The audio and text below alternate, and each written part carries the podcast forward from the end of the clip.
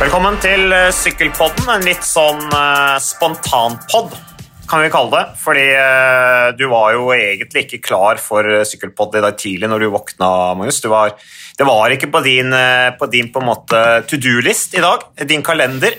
ikke på min heller. Men så fikk jeg en melding på Messenger, og jeg har fått flere meldinger nå de siste dagene på sosiale medier som etterspør en sykkelpod, og det er jo det er jo litt mas. Vi liker jo ikke å jobbe. Men samtidig så er det jo litt hyggelig at folk vil ha en sykkelpod. Og det er jo absolutt i tiden nå uh, å lage en sykkelpod, for vi har tross alt fått to verdensmestere denne uka. Det blir jo litt sånn respektløst, syns jeg, da, overfor våre vinnere, overfor dette historiske suset det bringer med seg, at vi ikke spiller en sykkelpod. Da er vi liksom ikke på jobb. Hva tenker du om det, Magnus? Helt enig. Uh, var du våken på søndag morgen da Tobias Foss tok gull? Ja, jeg sto opp og så på det. Det gjorde jeg. Så... Du gikk ikke glipp av det, sånn som mange gjorde med Thor sitt gull for mange år siden i Australia? Nei, gikk ikke bare i det hele tatt. Det var ikke så tidlig. Eh, så det var jo Du trengte jo ikke å være noe sånn spesielt A-menneske eller uh, slite med søvnproblemer uh, for å få med deg det gullet der, syns jeg. Så det, det, var veldig bra. Det var veldig inspirerende. Vi, jo, vi dekket jo på søndagsfrokost, ikke sant. Eggerøre, full pakke Spiste god frokost, så på rittet, feiret gullet, hørte på nasjonalsangen 'Ja, vi elsker', og så dro vi ut på sykkeltur i Nordmarka. Fantastisk. Veldig inspirerende. Det, det gullet der, det, det, det er så sjukt at jeg fortsatt ikke helt har blitt vant til tanken om at han faktisk faktisk vant. da. Altså Hvis du ser på liksom Én eh, ting er at, den, at det er den største sensasjonen liksom på tempo i VM. Det har ikke vært så lenge. sant? Er det 94 eller et eller annet sånt? En har holdt på mm. med tempo. Men liksom, hvis du tar det i et større perspektiv, da, sånn senior-VM herre, uansett disiplin, så er det ganske høyt oppe på lista der over sensasjoner. Så mm. er det um, nesten for sjukt til å være sant at Tobias Foss er, er verdensmester på tempo. Det er vel fortjent, eh, det er det absolutt. Så, men det kom litt ut av det blå. Eh, han snakket om topp ti, håpet kanskje på en topp fem eh, hvis alt gikk veldig bra, og så, og så, vant han. Så det var jo helt enormt. Men vi snakket jo litt om det jeg tror det var forrige uke, Magnus, at årets VM kan nok by på overraskelser også, i og med at du har disse utfordringene relatert til til bl.a. akklimatisering, døgnforskjell, de tingene der, som er, en, det er, det er vanskelig. Uh, og jeg tenker at Sesongen til Tobias Foss har ikke gått som planlagt. Altså, det har vært en, en, veldig tung, krevende sesong for han. Uh, alt fra når han velta Algarve, ikke sant? det var kanskje satte litt sånn uh, var kanskje et tegn på, på, hvordan sesongen ville bli. når han velta med Higita der, i, i god form for øvrig. Eh, og kom inn i giroen litt på hæla, både med, med, med, trening og velt og i det hele tatt. Eh, og så fikk han ikke kjørt Spania rundt, så det er, ikke, det er ikke sikkert han har blitt verdensmester hvis han hadde kjørt Spania rundt. Nei, absolutt. Absolutt. Uh, og jeg er helt enig. Det med forberedelse er sikkert en, en viktig faktor her. Mm. Men det, det, kule er på en måte at det er jo ikke et gull som er um, på billigsalg. Hvis du ser på, Jeg tror Evenepool hadde en veldig god tempo. Jeg tror mm. dataen hans sa det. Um, King leverte en god tempo. Han var ikke misfornøyd med egen prestasjon. Sant? Så favorittene leverte, og Pogacar og co. Så det var liksom den sterkeste mannen som, uh, som vant. da. Så ja, det, er, det er sjukt når du aldri har vunnet et proffritt før. Nei, altså Filippo Ganna uh, han, han, har vunnet VM i tempo sjøl. Uh, han ble nummer sju. Uh, Oliveira er en bra temporytter, blir nummer åtte. Yves Lampert som vant tempoen på første etappe av Tour de France. Definitivt ingen dårlig temporytter, så det er flust av, av temposterke ryttere der på den lista der, så det er en vel fortjent uh, seier, absolutt. Så, så det, det, tar vi med oss videre. Uh, historisk gull der. Um, så skal det bli spennende å se hva Tobias Foss kan levere på, på fellesstart. Vi kommer litt inn på det, Magnus, men du skulle si noe, si noe mer. Du sitter og rekker opp hånda her. Ja, jeg tenkte bare på um jeg var på en annen podkast der eh, apropos at Norge var så gode tidligere i veka, og Da fikk jeg mm. spørsmål om jeg tror um, hva det gjør med karrieren til Tobias videre. Hva gjør det med hans fokus på tempo kontra fokus på eh, sammenlagt resultat? Um, hva gjør det med hans standing i, i jumbovisma? Um, hva tror du? Det, blir det en ny hverdag for han, eller blir det liksom um, Blir det sa, samme gamle, for å si det på den måten, neste år? Jeg tror det her trengte han faktisk, også med tanke på statusen i laget, for nå har det gått tungt med han. eh, Og da blir, man, da blir det alltid litt sånn tvil rundt hva han kan prestere, særlig så har, et sånt lag hvor du har så mange ryttere som leverer etter planen. Eh, Og det der at han viser at han etter en tung periode, ting har ikke gått som planlagt, og så allikevel klarer å levere en, så, en slik prestasjon, da. Det viser at han er der fremdeles. Eh, han kan komme i form igjen. Mange hadde liksom tenkt og kanskje er, er han ferdig, liksom. Sliter han såpass at han ikke kommer tilbake? Var det et blaff, det vi så i fjor med topp ti i Giro Italia? Nå, nå, nå, nå får de troa på han igjen. Og de vet at han kan prestere helt i øverste klasse. Og statusen hans som etapperytter vil jo bare bli styrka av dette her også, tenker jeg, når han er så god på tempo. Vi vet at han kan klatre. Vi vet at han har stayerevne i, i tre uker, men jeg tror nok at fremdeles at, som jeg har sagt tidligere også, at av, jeg tror kanskje litt av karriereveien til Tobias Foss går via Tour de France som hjelperytter.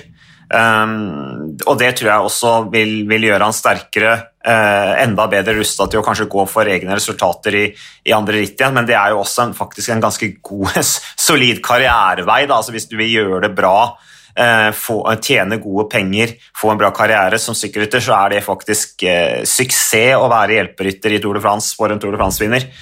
Så, men, eh, men, alle håper selvfølgelig på at han skal kunne gå litt for egne resultater også. Uh, og det, det, viser han jo nå. Han er, han er verdensmester på tempo. Han har topp ti-plassering i Italia rundt. Han klarer å reise seg etter en veldig tøff periode. Vi vet at han har slitt litt med det mentale, han har vært åpen om det. Det skal han ha all ære for å ha snakka om, og det tror jeg alle opplever også, så jeg tror det er befriende når en rytter står fram og sier at ja, jeg holdt på å legge opp, jeg trengte en pause. Men så har han kommet tilbake. for det er klart disse litt tøffe gutta i sykkelsporten, macho-gutta i sykkelsporten, vi tenker ja, ok, han har svakheter, mentalsvakheter, da er ikke han noe å satse på. Men nå viser han jo, nå viser han jo i stedet mental styrke ved at han kommer tilbake etter nedtur etter nedtur denne sesongen. Fikk ikke kjørt banen rundt sånn som han hadde planlagt, og sånne ting, men klarer da å ommobilisere mentalt, og så vinner han VM brukte den muligheten. Det viser at han er en, en klasseutøver. Enkelt og greit. Word. Ja, så det. Men da har vi hyllet Tobias Foss. Han fortjener masse hyllest, men vi kan ikke bare snakke om Tobias Foss. Vi er midt i VM, vi har kjørt unna temporittene. Søren Wernskjold, enda norsk verdensmester. Hipp, hipp. Ja, da er det neste på programmet.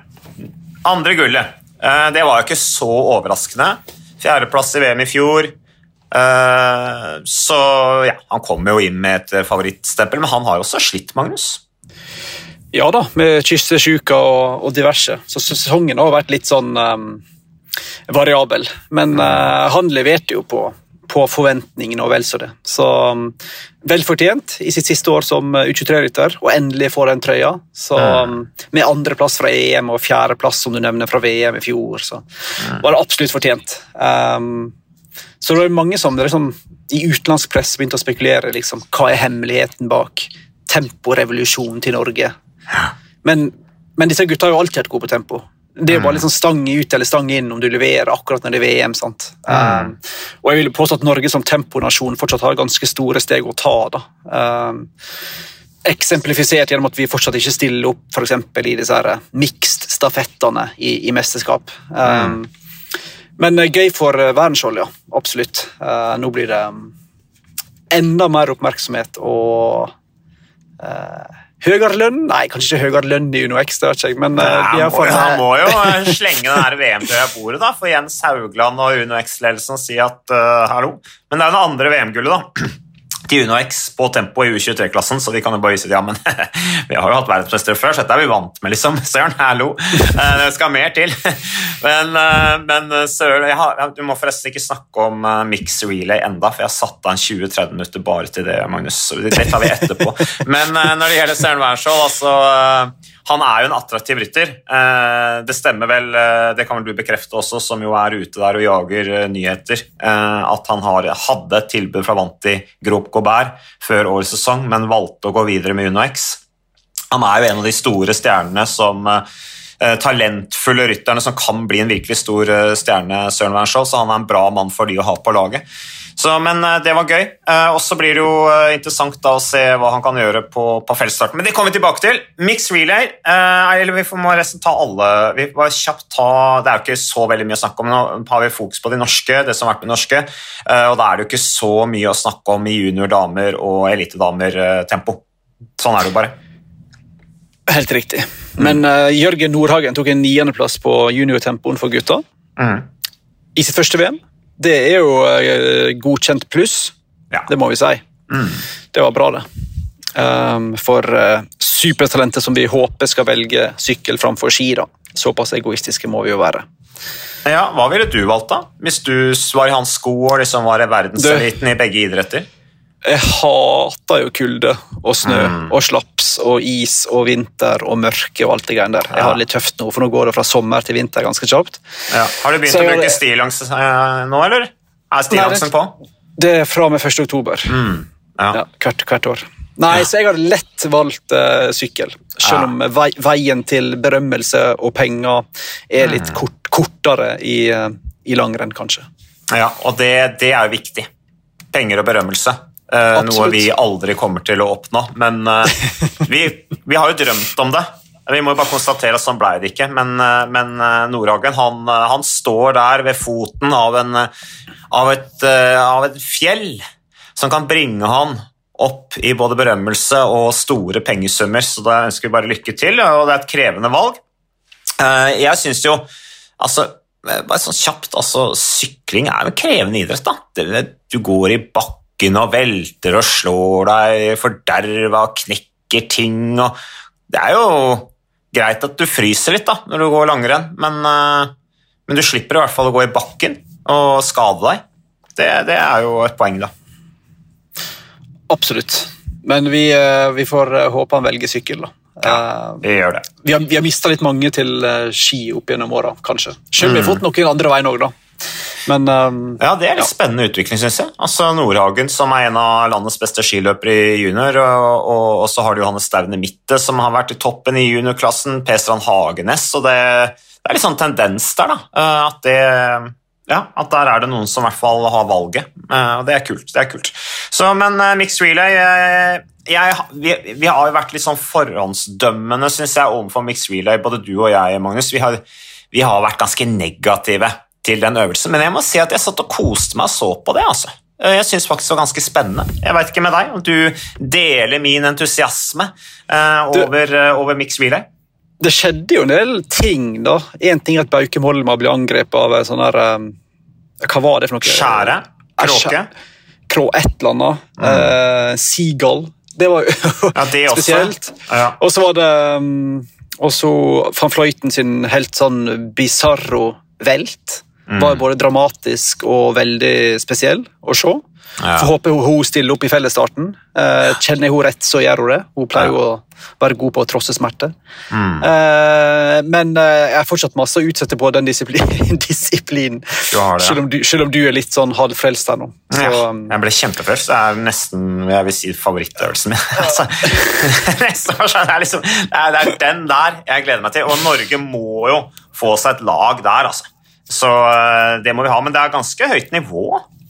Eh, det er ikke bare å plukke medalje der, altså. Så Absolutt. Eh, de skal ha noe der å gjøre òg. Så jeg tenker at muligens at prioritering til Norge er riktig, da. For det koster jo litt, det der. Og hvis det da går utover Hvis det er det lille som gjør at du mangler de siste to centimeterne til å vinne VM-gull på fellesstarten, så er det litt dumt, da, tenker jeg. Enig. Men fint for uh, Stefan King at han endelig fikk en slags, et slags VM-gull, iallfall. Mm. Uh, som har hatt så mange stang ut nå. Så, ja. Um, ja, så du mener at det er ikke et fullverdig VM-gull? jeg vet ikke om han, Hvis du spør han sjøl, jeg vet ikke om han vil ja. si det heller. Og så vant han, altså jeg tipper jo, Hvis Nederland ikke hadde mista først Mollema tidlig der, og van Fløyten med en gang De var bare 50 sekunder bak. Så tror jeg de hadde tatt den der, altså.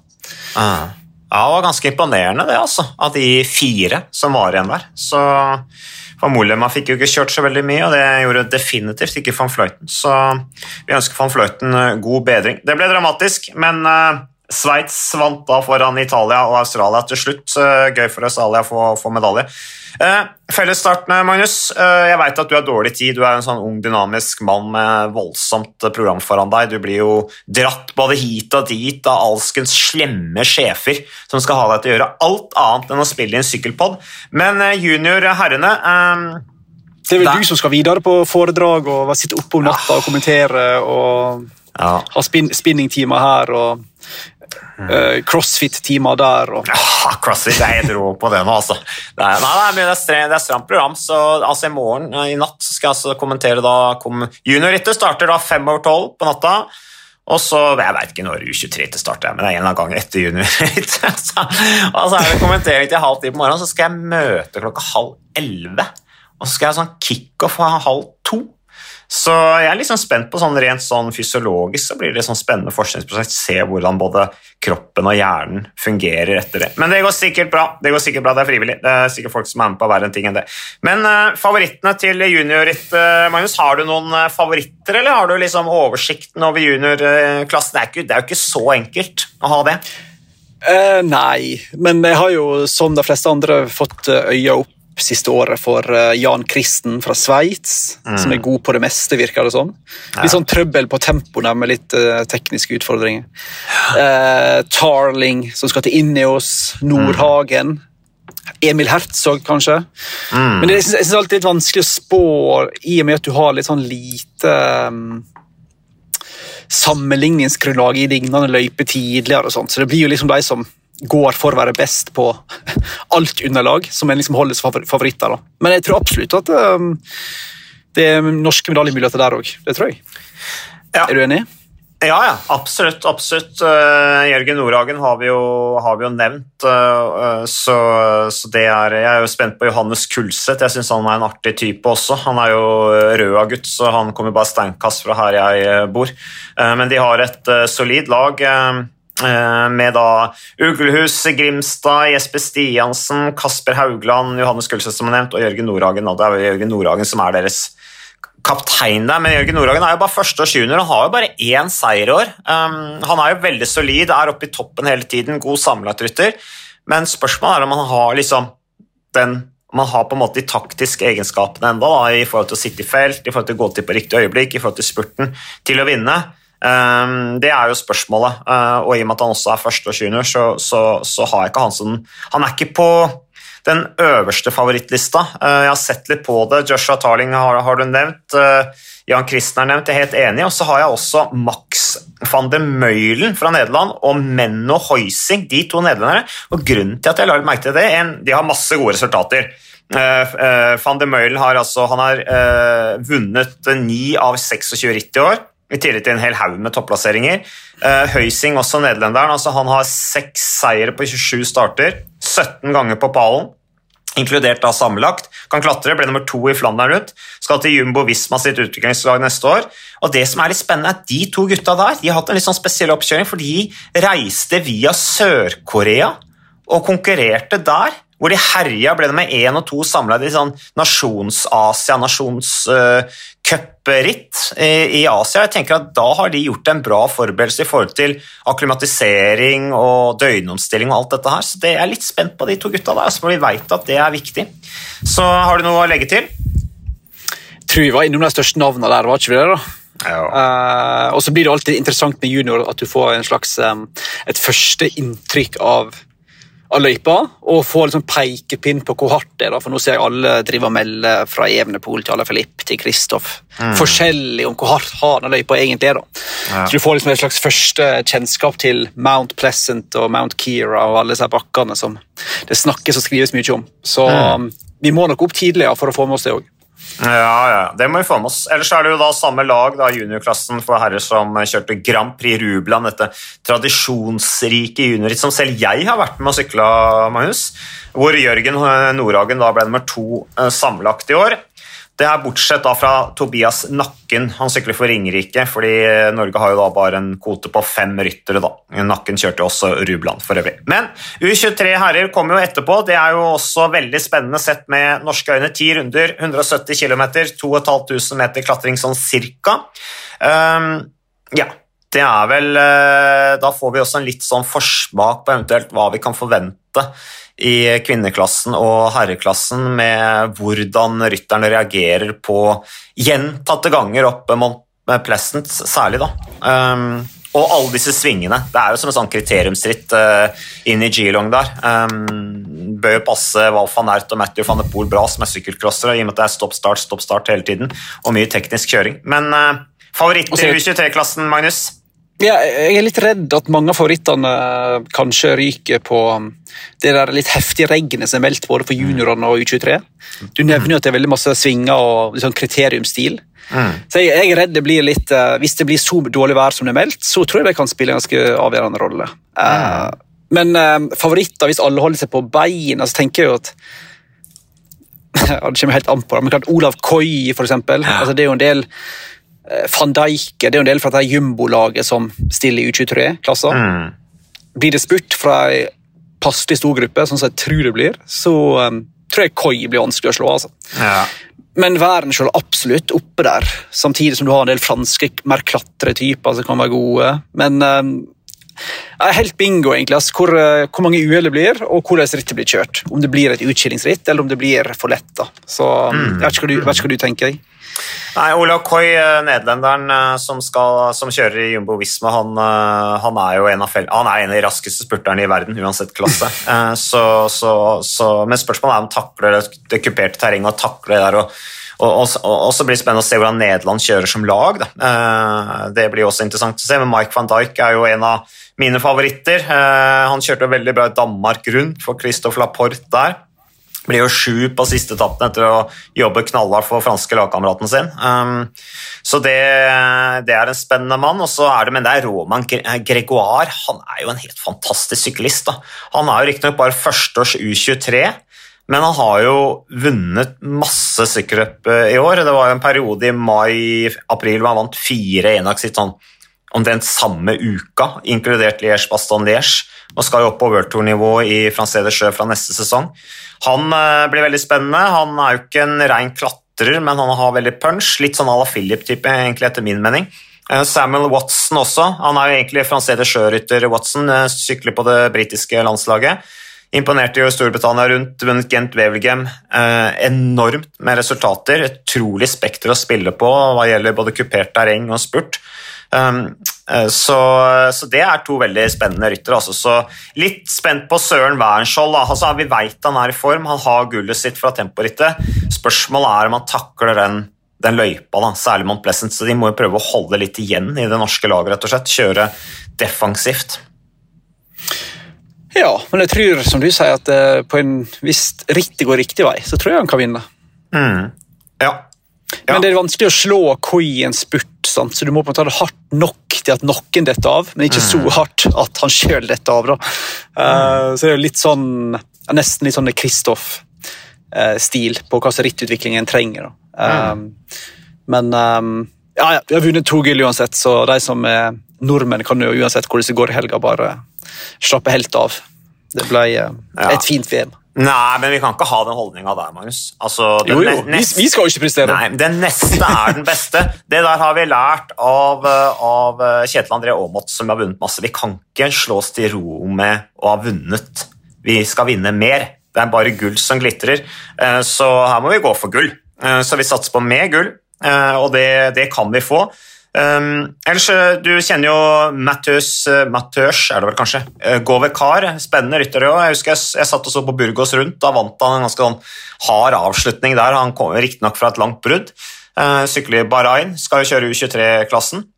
Så har du Leo Hater, som, uh, som du nevnte, Inius Grandiers, men han skal jo også kjøre Inius Grandiers, broren til Eaton Hater, som vant baby-giroen, altså U23-giro i Italia i år. Så det Ellers er det jo tre av danskene, eh, eller tre av de rytterne på det danske landslaget, de sykler jo i UnoX også, så de har jo med seg Jakob Hinskaul og William Blumme Levi og Carl Fredrik Bevort. Det skal bli spennende å se hva danskene kan gjøre. Så eh, når var det Ja, så jeg så litt på statistikken, Magnus. Eh, sist en rytter under 20 år vant U23-VM, når vi snakker om Gregoire, som er førsteårs U23, det var Mattia Moric i 2013. Uh, og så er det jo sånn at Seier i U23-VM er ikke noen garanti for noen stor, stor, karriere, men det er jo en garanti for en proffkontrakt. Og Da er det litt interessant å se på hvordan det gikk med fjorårsvinneren av U23-VM, Filippo Barosini, som vant i solo inne i løvet i fjor. Flott seier. Han har kjørt ganske bra i år, men brakk kragebeinet i Bretagne Classic 28.8 etter en solid sjuendeplass sammenlagt i Potterchant. Han kjører jo Trek Segafredo. Eller så kan vi jo nevne U23-verdensmester med suksess. Har du, noen, har noen favoritt der, Magnus? Hvem er din favoritt U23-verdensmester sånn rent historisk sett, siden det første U23-VM i 1996 i Lugano? Uh, Giuliano Figueras, kanskje? Mm, den, første, den, første, vinneren. Han som aldri ble noe av, og som det finnes mange røverhistorier om. Nei da. Um, mm. Um, nei, jeg har alltid vært veldig stor fan av Matej Mohoric altså, ja. som, som, rytter, så jeg, eh, jeg syns det var ganske kult når han vant uh, den der junior U23-dobbelen. Um, mm. Så jeg tror jeg må si uh, Mohoric. Ok, Så Kurt Asle Arvesen, Sven Erik Bystrøm og Kristoffer oh, ja. Halvorsen er ikke på den favorittlista di? da ble jeg avslørt. Uh, nei, det var veldig store opplevelser, det. altså. Ja, ja. nei, men Jeg er helt enig. Uh, Juliane Figueras han, han, den seieren hans var enorm, og da ble jo italienerne altså De tok de fire første plassene. Han vant vel foran Guseppe Palombo, tror jeg. Eh, Palombo som ble dobbelt verdensmester i juniorklassen. Eh, og begge de to gutta sykla jo i eh, Salf Euromobil Fior. Og året etter at Figueras hadde vunnet det første U23-VM i historien i Lugano, knallhardt VM, så syklet jo han da i Salf Euromobil, og dit kom jo også Gabriel Rask samme året. Og Jeg husker jeg reiste ned da i 1997 og trente med Salf Euromobil og Gabriel. Da husker jeg Uh, Giuliano Figueras de bodde jo et svært sånn hus uh, hvor det da var delt inn på en måte i, i sta, De bodde øverst bodde Figueras, som var med U23-verdensmester. Han hadde enerom, og så bodde de på en måte nedover i huset. da, sånn Eh, i forhold til status som rytter. Gabriel bodde jo i kjelleren helt nederst. Det var et rom hvor det bodde mange ryttere. da.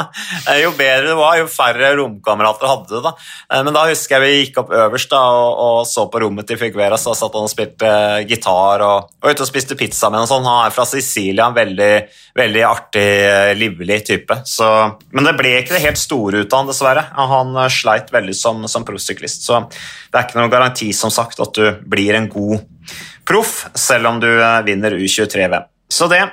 Damer elita, da har vi jo Katrine Aalerud, Marte Berg Engseth, eh, Marie Hoel Moer, eh, Anne Dorte Ysland og Ingvild Gåshjem på startstreken. Vi, har snakket, vi snakket jo litt om det forrige, forrige uke, Magnus. Har det vært noen endringer? Har det vært noen nyheter fra, fra landslaget der som gjør at vi har noe å legge til der? Nei, det er bare det med van Fløyten som er et stort usikkerhetsmoment. da, mm. Som kommer til å diktere rittet. Um, så jeg tipper jeg, jeg, har lyst til å sette pengene mine på Elisa Balsamo vinne på nytt. Ja. Uh, jeg tror det kan ende i en spurt, og hvis det ikke er van Fløyten på start, blant annet, mm. så kan det være at det blir litt mer kontrollert og mindre utkilsritt enn vi hadde forventa opprinnelig. Så um, jeg tror alle sitter egentlig og venter litt på updates fra van Fløyten om hun stiller eller ikke. Hun fikk jo et brudd, et stabilt brudd i albuen, var det vel. Mm. Um, så hun var og trente i dag, altså torsdag, så yeah. jeg tipper jo at hun, um, at hun, stiller opp. da. Og da kan det bli angrep tidlig i første bakken. Ja, de lager vel et Faktisk. Uh, hardt ritt, ja. Uh, eller hun ønsker et hardt ritt, selv om de har jo ryttere på det laget der som kan uh, vinne i en spurt også. Hvorfor tok de forresten ikke med Marianne Foss? Jo, de har de. Unnskyld, nå er det jeg som blinker. Ja. ja. hun er jo der, selvfølgelig. Beklager. Hun er der. Uh, så jeg bare uh, Jeg så feil. Men uh, nei da, men da, de har jo bare et helt vanvittig lag, Nederland, så, så, det blir spennende å se hvordan de løser det. de har jo vært i en lignende situasjon før, de, hvor de har hatt stjernespekket lag på målstreken og vært storfavoritter, så det har de, har de rutine på. Men tja, skal vi Hva var det jeg skulle si, Magnus? At Um, vi kan kanskje, når vi først Vi kommer ikke til å spille inn noen flere sykkelpodder før helga, um, så vi kan jo kanskje avslutte med å si litt om uh, elite herrer også. Uh, du sa til meg at din favoritt fremdeles var Tadje Pogasjar. Er han uh, din favoritt etter temporittet også? Hvor han, hva ble han? Sju eller noe? Nei, Jeg drev og bytta litt mellom van der Poel og Pogacar. Mm. Uh, men hvis jeg måtte velge, så sier jeg vel kanskje um, Pogacar. Ja, Han ble seks på tempo nå, um, ikke sju. Mm. Men han, han, er din favoritt, ja. Han er det. Mm. Ja, jeg tenker bare at Van Art blir jo garantert nummer to eller nummer tre. Mm. Uh, litt for lett løype kanskje for Evenepool. Uh, Girmay kanskje litt bitte litt grønn fortsatt. altså Litt mm. urutinert til å faktisk vinne et senior-VM. Um, Ala Filippe er usikker på formen. Um, italienerne har ikke noe særlig trua på. Um, Bettiol vet du aldri mer om, men jeg, jeg tror ikke det går. Mm. Så jeg tror um, Pogacar i et hardt ritt, og med den enorme spurten han har etter hardt ritt, så tror jeg kanskje han, han tar det. Men uh, var det Quebec eller Montreal han vant? Var det ikke Montreal? Montreal, uh, ja. Um, da hadde han vel UAE som satt og banka og kjørte for han for å gjøre det rittet veldig hardt. Um, han er vel også en fyr som er litt avhengig av at det skal bli et veldig hardt ritt. Du har nevnt vær Magnus, som, som, snur. Det er ikke spesielt uh, fint vær i, i Australia. Det har vært nede i 12-13-14 grader, tror jeg, uh, så det er ikke spesielt uh, sommerlig. Men, men, det er klart at med dårlig vær, skikkelig regnvær, så kommer det til å bli et enda tøffere sykkelløp, for de må jo da sykle saktere inn i svingene og sånne ting. Det blir jo enda seigere.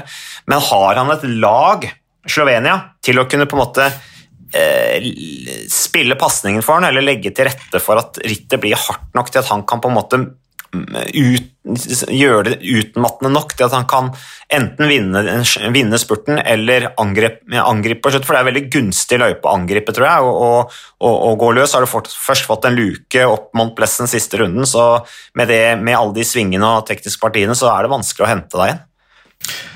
Jeg er helt enig. Svaret er jo at nei, at han ikke har det laget uten Roglic og Mohoric. Men samtidig så har han vist, i hvert fall i UAE, i mange forskjellige ritt, både endagsritt og, og etapperitt, at han er jo god på egen hånd. Det er jo ingen som er mindre redd for å bare drite i alt og angripe og ta det som det kommer, enn Pogacar. Um, og spørsmålet er jo hvor mange som er mulighet for å sitte med de andre favorittene. Sant? Så eh, selvfølgelig en stor ulempe og en stor svakhet for han, det laget, men jeg tror ikke nødvendigvis det er altavgjørende hvis han bare eh, snylter på Belgia og Nederland, f.eks., eh, og ligger på deres hjul. Så jeg, jeg står på barrikadene for Pogacar, jeg, altså. samme hvor svakt de lagene hans er. Tror du, eh, tror du at Eh, kan, at han kan dra noe nytte av eh, lagkamerater i konkurrerende lag. Altså, vi har sett, sett på Spania, da, som stiller uten Marc Soler. Ja, ja, ikke sant? Du, du leser tankene mine. ja. Marc Soler, som for øvrig er absolutt på min outsiderliste. Ikke toppfavoritt, men han kan vinne VM, det tror jeg. Og han har jo helt frihet til å kjøre, gjøre akkurat som han vil, og det forundrer ikke meg om han velger å hjelpe Pogasjar Eh, litt sånn selvfølgelig diskré, men allikevel så tror jeg at, eh, at Pogasjar kan kanskje få litt hjelp av, av bl.a. Marc Soler, da, hvis han finner noen allierte som han egentlig er lagkamerat med i UAE i, i de andre, på de andre landslagene. Ja, de kan få sammenfallende interesse der, eh, og det hadde ikke overraska meg. Så der er vi samtenkte, tror jeg. Mm. Blir en joker på, på søndag.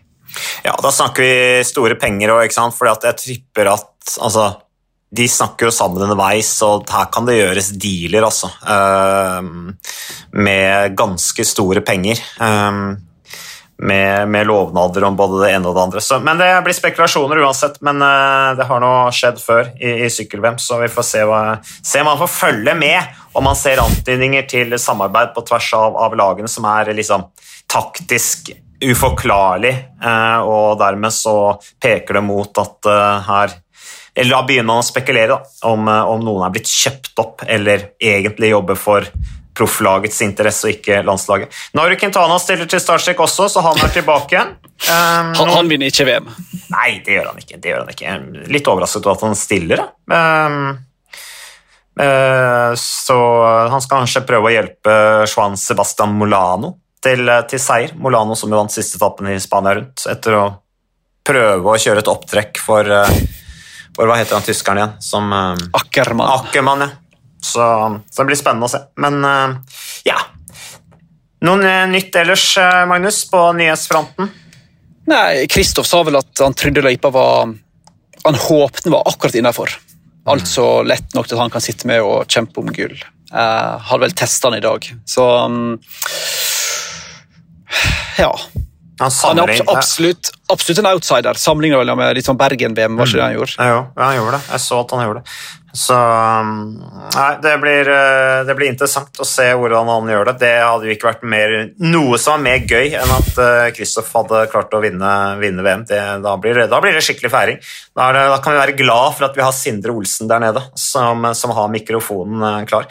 Men Nedrykksstriden er det jo fremdeles litt snakk om. Israel, vi snakket om Israel Premier Tech forrige eh, episode, men det er altså 600 poeng, da, eh, UCI-poeng til vinneren av landeveisrittet. Det er 22 ritt igjen på kalenderen til å score poeng, så den, der jobbes det knallhardt med å hente inn poeng, og derfor er det jo en del ryttere som ikke stiller i VM, fordi at de må rett og slett prioritere å kjøre for, eh, for sitt profflag. Nå er det jo for så vidt hvis, hvis da Marc Soler vinner VM, da, så tar han med seg da 600 poeng til UAE.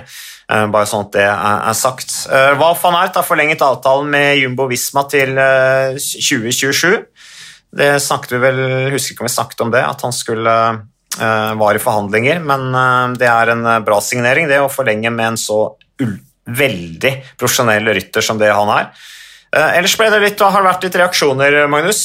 Du som er ja, vi er jo i media, så vi syns det er litt uh, artig med litt, uh, med litt, uh, litt overskrifter og politisk korrekthet og litt sånn dramatikk i kulissene. det har skapt reaksjoner at de franske eliteherrene fløy business class, men ikke damene. og det var ikke rytterne som betalte billettene selv, sies det. forbundet tok kostnaden. har du hørt den, eller? Ja, og så er det jo litt sånn Det er ikke noe å le av, da, men det er jo litt sånn det er liksom så hjelpeløst PR-messig. da. Uh, mm. Og, de, og de graver jo liksom, den der graver seg dypere og dypere med, med, å prøve å argumentere seg gjennom denne saken. da. Um, men det går jo ikke. Du så Van Art måtte jo punge ut for business på, på eg, for egen del skal det, mm. sies at det var, det var, vel ikke business, det var vel første klasse. Jeg forsto at det var visst en litt mellomting. Um, mm. Men uansett så går det ikke. Og når du først blir avslørt, så må du bare legge deg flat. altså. Ja. Da må du bare si 'sorry, her bomma vi litt', her tenkte vi oss ikke helt gjennom. Istedenfor å prøve å bare holde det gående med å si at ja, ja, men gutta har jo forsvarende mestere. Hvis, mm. hvis jentene hadde det, så hadde det vært omvendt, eh, etc. Um, så nei, det er jo pinlig. Um, og um, jeg trodde den tida var forbi, men uh, i Sør-Europa henger en tydeligvis litt etter på akkurat den fronten. Ja, De har ikke noe dårlig lag, eh, det franske kvinnelaget heller, da, til, til start Nei. i VM. Så, så, argumentet der om at eh, det er et potensielt større vinner, vinnerlag enn damelaget, det, nei, det blir bare helt håpløst. Så den, den syns vi ikke noe særlig om. Um, Adam Yates har signert for UAE. Det er vel kanskje stø ukas største overgangssak, Magnus. Er du enig med meg i det, eller? Absolutt. Mm. Kvalitetssignering det for UAE. Uh, og jeg tror ikke jeg tror ikke inni oss, med alt de har henta, og fortsetter å hente, så tror jeg de klarer seg uten Adam Yates. Så ja. en god deal for begge lag, pluss mm. en god deal for hans i lommebok, garantert. Ja, jeg hørte at han uh, hadde et lønnskrav på 20 millioner kroner i året i, uh, i Ineos. Det syns jeg hørtes voldsomt ut for en rytter som Adam Yates. Han hadde ikke fått det av meg. Hva hadde du gitt han? da? Jeg hadde ikke gitt han 20 millioner. i hvert fall. Jeg hadde heller gitt han kanskje god rytter, men jeg hadde kanskje gitt han ja, du, får, du vil ha 20, jeg gir deg 5. 6. Men altså, se bak deg, mann, hadde jeg sagt. Eh, se på, den, eh, se på den gruppa vi har her i laget. Altså, vi har nok av ryttere å ta. Det er masse unge, sultne ryttere på vei opp. Du er faktisk ikke verdt 20 millioner kroner i året, Adam. Eh, med all respekt, det hadde jeg sagt. Kjempelag bygger du, da. ja, men altså, sorry, men sånn er det, da. Eh, så da er det jo bare å la han gå. Eh, og han får sikkert godt betalt i UAE, og der kommer han jo til å, primært kjøre hjelperytter. Han blir jo en kjempe kjempebra hjelperytter. Så kan han sikkert kjøre litt for egne sjanser i litt andre ritt, men knallbra mann å ha for Tadje Pogacar og UAE. Altså, absolutt en klasserytter. Så, men jeg hadde, jeg hadde, ikke betalt 20 millioner kroner for han hvis det er det han hvis det er det han får, da. Eh, eller har spurt om i, i Eneos. Så, så det. Apropos Eneos, Filippo Ganna har vi snakket om ble nummer sju i temporittet. Det var veldig skuffende av uh, italieneren, som uh, man hadde som en av favorittene til å vinne, regjerende verdensmesteren. Men han skal altså ta timesrekorden da, til Dan Bigham. De er jo på en måte litt sånn lagkamerater i Eneos. Ikke, Bigham sykler jo ikke i oss, men han er jo en, sånn, er en del av dette her Eh, støtteapparatet eh, som går på dette med utvikling og prestasjonsutvikling i forhold til aerodynamikk eh, særlig. Men han skal prøve å ta da timesrekorden til Dan Bigham, som er på 55,548 den 8. oktober klokka 8 i Grenchen i Sveits. Det er samme dagen som Lombardiet Rundt, og Lombardiet Rundt-arrangørene, RCS, som også arrangerer Italia Rundt, de er ikke fornøyd med at Ganna skal sykle timesrekord samme dagen som selveste Lombardiet rundt. Så da har vi Nei, sagt det. Er viktig. det er viktig å lete etter et problem her i verden. Mm. Jeg, jeg, kjenner også at det er jo et kjempeproblem. At han klokka ja. åtte på kvelden skal kjøre timesrekord når Lombardiet rundt er over for lenge siden. Altså, hva er problemet med det? Så nei. Eh, ellers eh, en favoritt vi ikke har snakka om til eh, landeveisrittet på søndag for herrene, er Rien Sjorhois. Magnus, hva kan vi si om han? Nei, vi kan vel si at um, uh, ja, Nei, jeg, jeg, prøver å komme på noe lurt å si her nå. Nei, jeg kan ta det. jeg kan ta det. Han sykler for Vatikanet. Det, det er han, det ja, stemmer. Han eneste ja, derfra. Ja, og det er første gang en rytter fra Vatikanet deltar i, eh, i VM i landevei. Eh, så det er historisk. Han er 40 år gammel, nederlender. Han er fra Groningen, Nederland, men representerer av Vatikanet. Sykler for paven. Og en som er involvert da, som, som, konsulent da, i det prosjektet med å bringe Rien Sjurais til, til, VM som representant for Vatikan, det er Valerio Agnoli, tidligere profesjonell syklisten som nå er 37 år gammel. Han har da vært leder for det prosjektet og sier han er veldig glad uh, for det, slik at han kan bidra til å videreformidle pavens budskap. Agnoli, som var proff da fra 2004 til 2019, avsluttet jo Bahrain. Var en veldig god klatrer, på pallen med bl.a. på etappen til Cordoba i Spania rundt i 2011, som ble vunnet av Petter Sagan, da de to var lagkamerater i, i Liquigas. Så syklet tolv Grand Tours, men deltok aldri i toren. Så det blir veldig, vi er veldig spent på hva Vatikanet kan gjøre i årets VM, Magnus. Anjoli var jo liksom eh, var bestekompisen og liksom superhelten til Nibali lenge. Men at han har gått over da, til å bli en slags sånn eh, paveforkjempende ambassadør. Litt sånn som Grega Baale, som har blitt, sånn her, eh, mm. som har blitt muslim og flytta til Abu Dhabi. Altså, har han det? Det er en del sånne veier som proffrytterne tar etter å legge opp som jeg ikke helt henger med på. Eh, mm. Men um, at en nederlender skal sykle for Vatikanet, det er klart det, er klart det blir stort for uh, pave Franciscus, eller hva paven heter akkurat nå. Jeg regner med at han er døpt, altså som katolikk? Det, det får vi nesten stille som et krav, nesten, vil jeg tro. Mm. De jo, var jo veldig offensive på å døpe folk i, eh, back in the days i middelalderen og sånn, uh, Vatikanet. Da, da, var det ingen kjære mor, altså. Da var det behold hodet, uh, eller la deg døpe, liksom. Eller det var jo litt den stilen der de kjørte, så vi håper at det ikke har vært noe lignende Eh, trusler mot uh, Sjurhais. vi ønsker paven lykke til. Han kommer sikkert til å sitte klistra og få med seg hvert eneste tråkk fra, fra VM i Wollongong. Vi håper at du gjør det samme. Og så takker vi for oss med Sykkelpodden, Magnus. Og så Det blir jo veldig langt, dette her igjen. Um, det blir det. Så vi takker, for folk, vi takker for at folk orket å høre på. Vi er tilbake kanskje neste uke.